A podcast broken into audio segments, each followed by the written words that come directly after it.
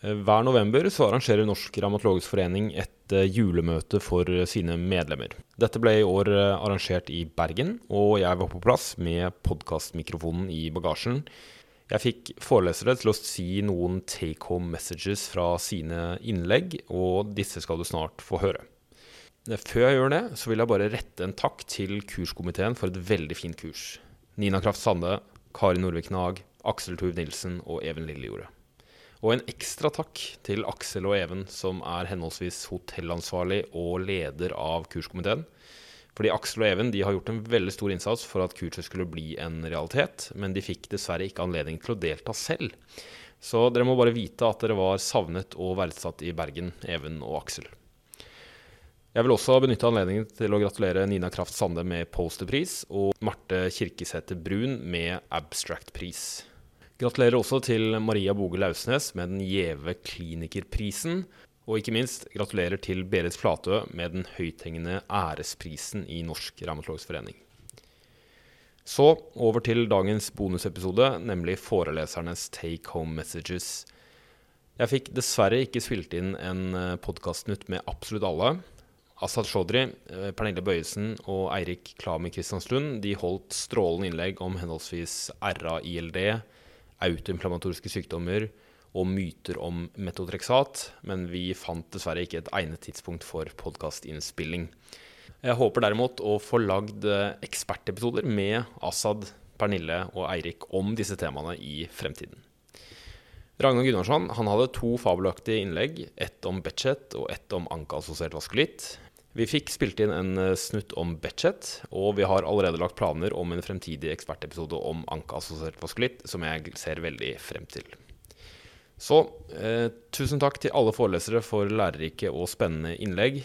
Og tusen takk til hele det norske revmatologimiljøet for nok et minnerikt og særdeles hyggelig julemøte. Jeg ser allerede frem til neste år.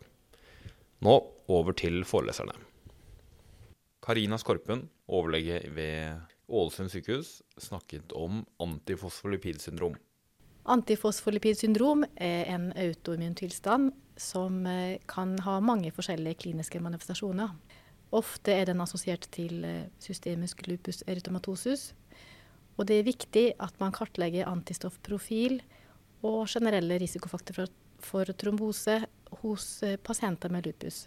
Særlig hos fertile kvinner med lupus er det viktig å ha oversikt i forhold til eventuelt senere svangerskap, for å unngå komplikasjoner i svangerskap.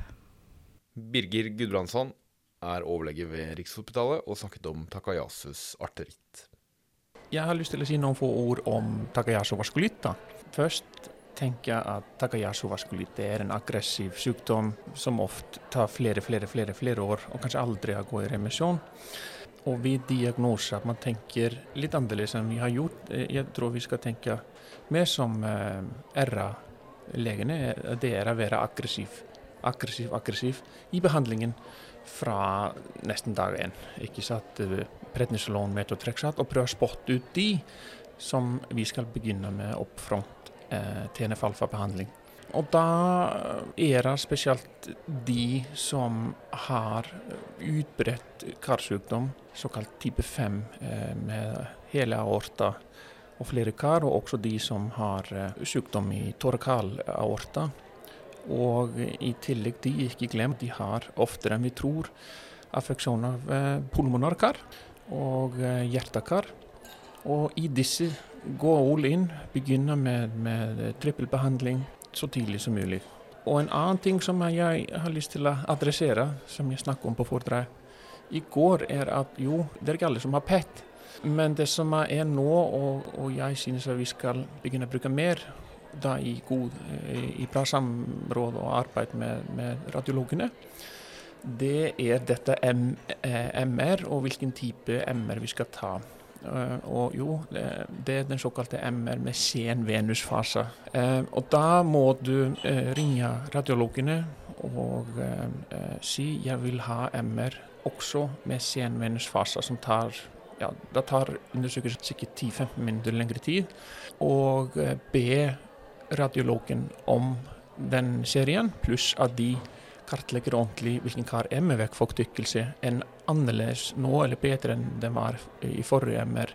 Med den, ikke sant, og da får vi mye bedre verktøy som kan styre behandlingen. da.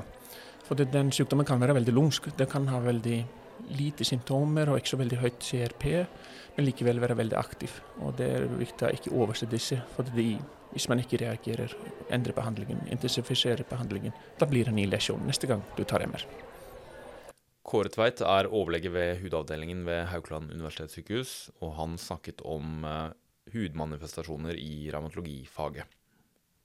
Jeg er bedt nå om å trekke frem noen perler vedrørende mitt foredrag om eh, hudforandringer ved revmatiske lidelser. Og det som slår meg, er det at i sum så vil faktisk hudforandringene som vi ser ved lidelsene som håndteres av våre kolleger, det dekker nesten hele pensum. Og Det er det viktig å ta med seg. og Spesielt den store imitatoren lupus kan lage utrolig mange fantastiske ting. Og Det bringer meg over på det andre, at når noe ser rart ut, så er det veldig ofte noe rart. Og når man sitter med den følelsen, så hadde det vært fint om også mine kolleger på revmatologisk avdeling hadde lært seg det lille trikset med å ta en stansebiopsi. Fordi at dere må se utrolig mye hudforandringer, og jeg tror ikke vi hudleger klarer å håndtere alle disse. Og Det betyr at det er mange utslett innenfor hematologien som går under radaren. Ellers så er det også mange sykdommer som ligner veldig på hverandre. Og Dere er jo opptatt av dette sommerfuglutslettet. Og her har vi innenfor hudfaget mange imitatorer som kan lure oss. Vi har seborroisk eksem som kan lage forandring i ansiktet. Atopisk eksem kan gjøre det. Soleksem, virussykdommer og ikke minst rosacea. Og Da er det viktig å fange opp de små forskjellene, de små byggesteinene som leder oss til at vi kan stille en diagnose. Og ved rosacea, som er en veldig vanlig sykdom i denne aldersgruppen som også kan få lupus, vil de, mange pasienter ha papilløse forandringer og kviselignende forandringer. Og, de, og, den sykdommen respekterer ikke på, på samme måte nasolabialfurene sånn som det gjøres ved, ved lupus hvor den som hovedregel er utspart. Og så vil jo mange av disse lupuspasientene kanskje ha proteinuri, og da blir det ikke så veldig vanskelig. Eh, Haris Kesvic er konstituert overlege ved revmatologisk avdeling ved Haukeland universitetssykehus.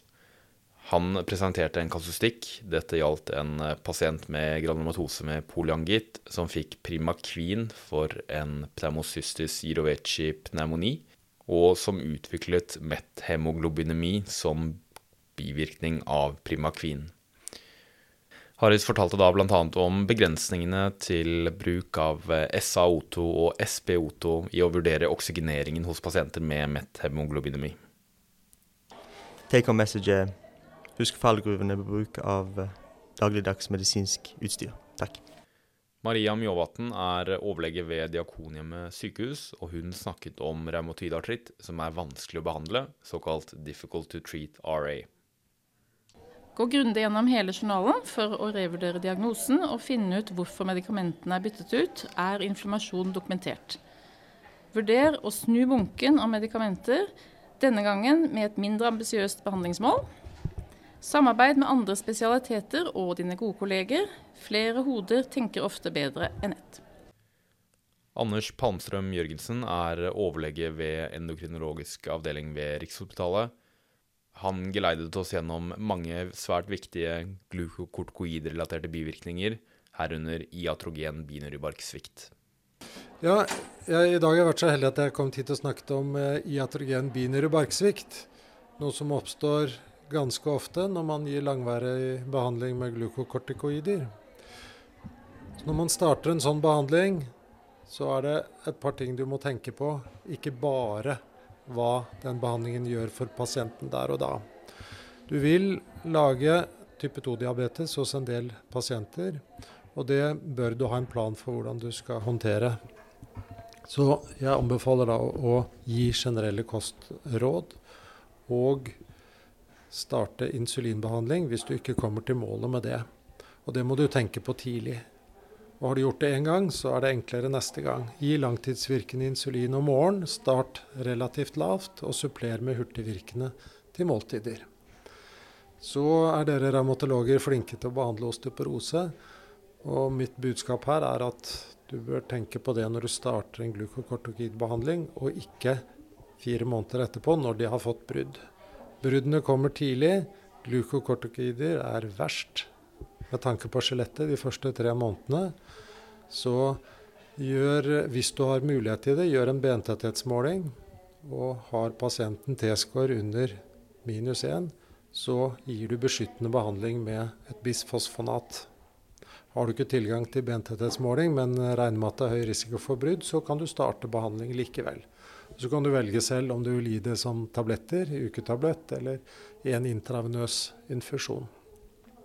Er det langvarig behandling, så må du nok gjenta den infusjonen f.eks. etter 18 måneder. Og så er det det med binære barksvikt. Det er jo noe man begynner å tenke på når man trapper ned steroidene har pasienten fått binyrbarksvikt. Det er sånn at jeg skulle gjerne kunne fortalt dere at hvis du behandler i under tre måneder, så går det bra. Men, eh, og over tre måneder så må du, må du liksom regne med at det har utløst svikt. Men det er ikke så enkelt. Men generelt kan man si høy dose, lang varighet, større risiko for binyrebarksvikt. Det som er viktig, er at man eh, erkjenner problemet forteller pasienten at du sannsynlig har binyrebarksvikt når de begynner å komme ned i dose på 5 mg prednisolon. Da må de ha mer steroider hvis de blir syke eller skal opereres. Så når du kommer ned til 5 mg og lurer på om du kan trappe videre ned, så går det an å måle medikamentfastende kortisol i en morgenprøve. Har du verdier under 100 nanomol per liter, så har du ganske sikkert en svikt og må ta videre nedtrapping veldig langsomt. Har du over 300 nanomol per liter i kortisol, så er det ofte greit, og du kan trappe ned så fort du vil for meg. Ligger du i mellomsjiktet, så vil du være i tvil. Ofte er det da sånn at man trapper langsomt ned og, og vurdere pasienten for symptomer på binyrebarksvikt, som ofte vil være kvalme, litt vondt i magen, slapphet. Det er jo uspesifikke symptomer, og ofte vanskelig å skille fra plager folk har til vanlig. Så noen pasienter hvor det er viktig å finne ut av dette, kan vi ta imot for å gjøre synaktenstimuleringstest, men det er unntaket. Anja Myhre Gjelle er overlege ved revmatologisk avdeling i Førde, og ga oss en strålende gjennomgang av osteoporose. De viktigste take home messages fra foredraget om behandlingsstrategier osteoporose er at en må ta i bruk sideskann av ryggsøylen når pasienten er på deksa. da ser man mange brudd man ikke visste om, og det er mange flere da som kommer inn i riktig behandlingskategori fra start. Det andre er at vi skal tenke over å bruke eh, osteoanabol behandling oftere som primærbehandling på de som har en alvorlig osteoporose. Da virker behandlingen best. Eh, og så er det også å senke frykt for bivirkninger, både hos pasienter og i samfunnet og i primærhelsetjenesten, siden dette er uhyre effektive bruddforebyggende medisiner, og komplikasjoner er veldig sjeldne. Katrine Brekke Norheim er avdelingssjef ved revmatologisk avdeling ved, i Stavanger, og hun snakket om sarkoidose. Jeg har da snakket om sarkoidose, som en eh, multisystemsykdom. Kan eh, affisere egentlig alle organer. Og eh, revmatologer vil ofte komme i kontakt med disse pasientene, enten som ledd i utredningen av sarkoidose eller i oppfølging og behandling. 90% av pasientene har lungesarkoidose, og de følges vanligvis av lungeleger, men det er 30 som har en ekstrapulmonal sarkoidose. Og av disse er det en del som har en sarkoidartritt, løvgrenssyndrom og sarkoidose i bein. Og der tenker jeg at det er spesielt viktig at revmatologene er involvert i oppfølging og behandling så er det sånn at det er steroider som har helt klart best dokumentasjon og har vært brukt lengst ved behandling av sarkoidose. Men disse pasientene har òg eh, god effekt av eh, syntetiske demart, sånn som metotrexat, eh, leflunomid og eh, hydroksyklorokin. Og en liten andel av pasientene, de med mest alvorlige manifestasjoner eller manglende respons på de andre medikamentene, vil òg eh, ha nytte av behandling med TNF-hemmer. Det som kan være vanskelig i oppfølgingen av sarkoidosepasienter, det er jo for det første å eh, på en måte få utredet de skikkelig, finne ut hvilke manifestasjoner de har. Fordi at man da trenger typiske funn ved bildeundersøkelser og i klinikken. kombinert med eksklusjon av differensialdiagnoser og eh, helst en biopsi, hvor man bekrefter at det da er ikke nekrotiserende granulomer. Men det er ikke alltid at det er mulig å biopsere f.eks. ved nevrosarkoidose og eh, hjertesarkoidose. I tillegg så kan det være vanskelig å avklare hvem som har hovedansvaret for oppfølgingen hvis pasientene har manifestasjoner fra flere organer. Anna Hoffmann Wold er overlege og seniorforsker ved Rikshospitalet og Universitetet i Zürich, og hun snakket om interstitiell lungesykdom ved revmatiske sykdommer. Altså En stor highlight er jo at de ACR-guidelines har blitt publisert på behandling av interstitiell lungesykdom ved revmatisk sykdom. Så det var jo en stor highlight. Dessverre ble de publisert før våre egne RS-Oila-guidelines, men det får vi ikke gjort noe med. Um, det som er jo veldig viktig å forstå, er at behandlingsguidelinesene eller anbefalingene blir laget på svært lite evidens. Utenom for systemet sklerose interstisiell lungesykdom finnes det ingen randomiserte studier. Og all anbefalinger er basert på lav eller veldig lav uh, evidens og ikke randomiserte studier. Og så um, En annen utfordring er at de har uh, laget en hierarkisk anbefaling i hvilken rekkefølge man skal bruke disse medikamentene. Og igjen, det finnes veldig lite evidens. Så for oss i Norge betyr jo det at vi kanskje må lage våre egne norske retningslinjer hvordan vi skal behandle interstitiell lungesykdom ved revmatisk sykdom. Til Ulig er eh, overlege ved Diakonhjemmet sykehus og snakket om uh, urinsyregikt. Jeg snakket om urinsyregikt, og spesielt på hva vi kan gjøre når det blir vanskelig å behandle pasienter med urinsyregikt. Heldigvis er det jo ikke så veldig mange hvor det blir veldig vanskelig. Og det viktigste er jo at vi behandler urinsyregikt i det hele tatt. Dvs. Si at vi bruker urinsyrenedsettende behandling. Så det er det viktigste. Og vi har jo sett i vår egen studie, i Norgård-studien, at det fungerer bra i 85 av pasientene etter et år. Det er de aller, aller fleste ved behandlingsmålet. Og ja, det er i tillegg de aller fleste som skal behandles med urinsyrenedsettende behandling. Um, hva gjør vi da hvis det blir vanskelig? Og når det blir vanskelig, da, så er det stort sett pga. nyrefunksjonen som er dårlig. Og da må vi eh, tilpasse behandlingen også med urinsyrenedsettende medikasjon og med NSAID eller kolkjesin i henhold til nyrefunksjonen. Eh, hvis vi da sier noe om allopurinol, så kan vi redusere startdåsen på allopurinol, og kanskje også øke i mindre eh, intervaller og mindre porsjoner, altså med f.eks. bare 50 mg og ikke 100 mg når vi øker dåsen hver fjerde uke. Og det er egentlig tilfellet når eh, GFR, altså nyrefunksjonen, er redusert med en GFR på under 45 eller 40 millimol. Men også der er det faktisk mulig å behandle urinsurinedsettende. Man kan ikke, trenger ikke la være å gjøre det. Daniel Hammenfors er overlege ved revmatologisk avdeling ved Haukeland universitetssykehus og snakket om ultralyd av spyttkjertler ved Sjøgrens syndrom. Ja, jeg har jo da hatt et innlegg om ultralyd ved Sjøgrens syndrom.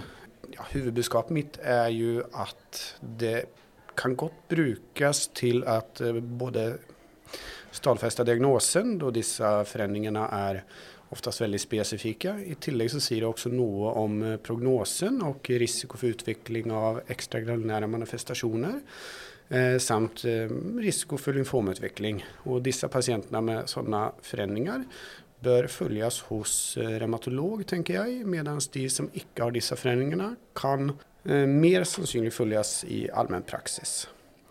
Eh, disse foreningene er ofte ganske tydelige, og min anbefaling er jo egentlig å gjøre dette på de fleste pasientene. Og Ser man disse forandringene tydelig, så har man et, et veldig sterk indikasjon på at det er Sjøgren. Og Hvis ikke, så får man fortsette utredningen på konvensjonell vis likevel. Eirik Ikdal er LIS i revmatologi ved Diakonhjemmet sykehus, og han snakket om hjerte-karrisiko og revmatiske sykdommer. Jeg hadde en presentasjon om eh, NSIDES og risiko for hjerte-karsykdom, hovedsakelig hos eh, pasienter med leddgiktsykdommer.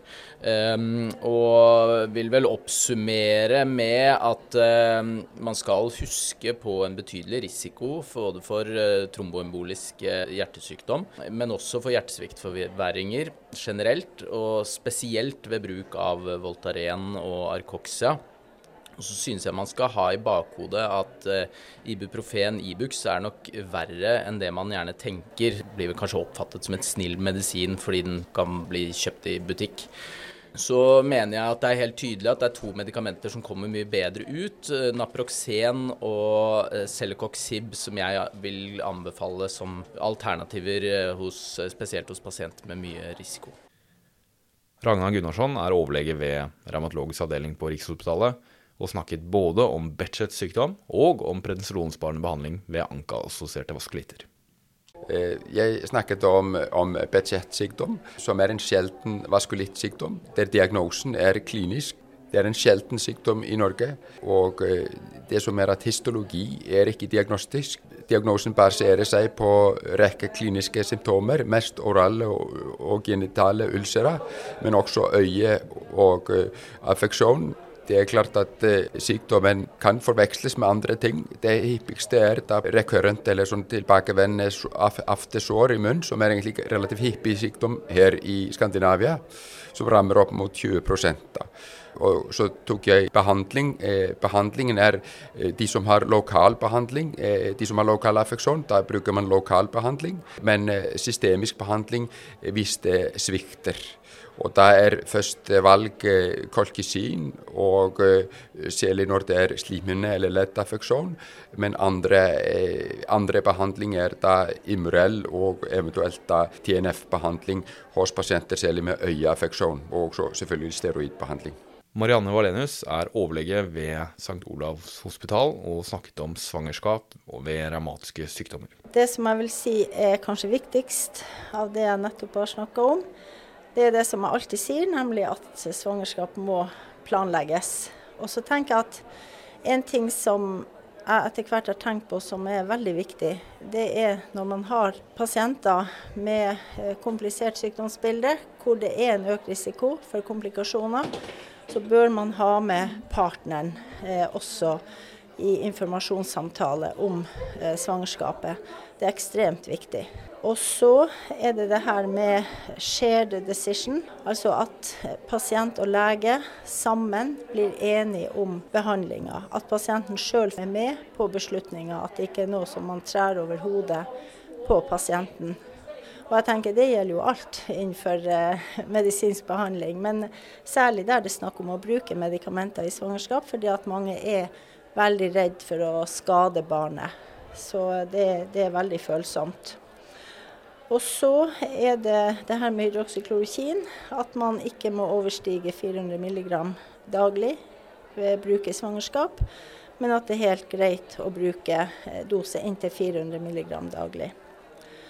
Og at eh, TNF-hemmere kan brukes i svangerskap om seg hele svangerskapet ved behov. Og at eh, der det er eh, indisert, kan man også bruke tocilizumab i svangerskap.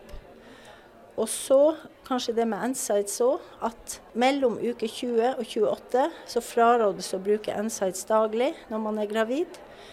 Men at man kan bruke det sporadisk. Fordi at det kan gi oligohydramnion hos fosteret også såpass tidlig i svangerskapet hvis man bruker det daglig.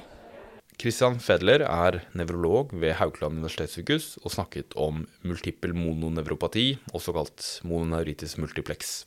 Ja, eh, Når det gjelder nevropatier hos, eh, ved revmatologi, så er det jo multippel mononevropati, eller multiplex, som er det viktigste for revmatologer å tenke på. Det er altså en asymmetrisk perifer nevropati som skyldes vaskulitt i vasa nervorum og gir utfall i enkeltperifere nerver. Derfor Eh, mononevropati, eller hvis det er flere enkeltnerver, multiplex.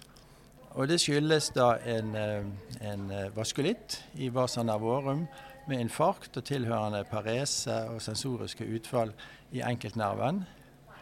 Og Vanligste årsaker til dette er ulike typer vaskulitter, oftest systemiske vaskulitter, oftest anker, assosierte vaskulitter. Av og til så kan det være en non Eh, systemisk vaskulitt, som rammer kun eh, perifere nerver. Og eh, Da må vi ofte ta en nervebiopsi, eventuelt nervemuskelbiopsi, for å kunne verifisere diagnosen. Vanligste behandlingen ved vaskulitter er prednisolon. Alvorlige systemiske vaskulitter kan være selvfølgelig mer aggressiv behandling med syklofosfamid eller andre ting.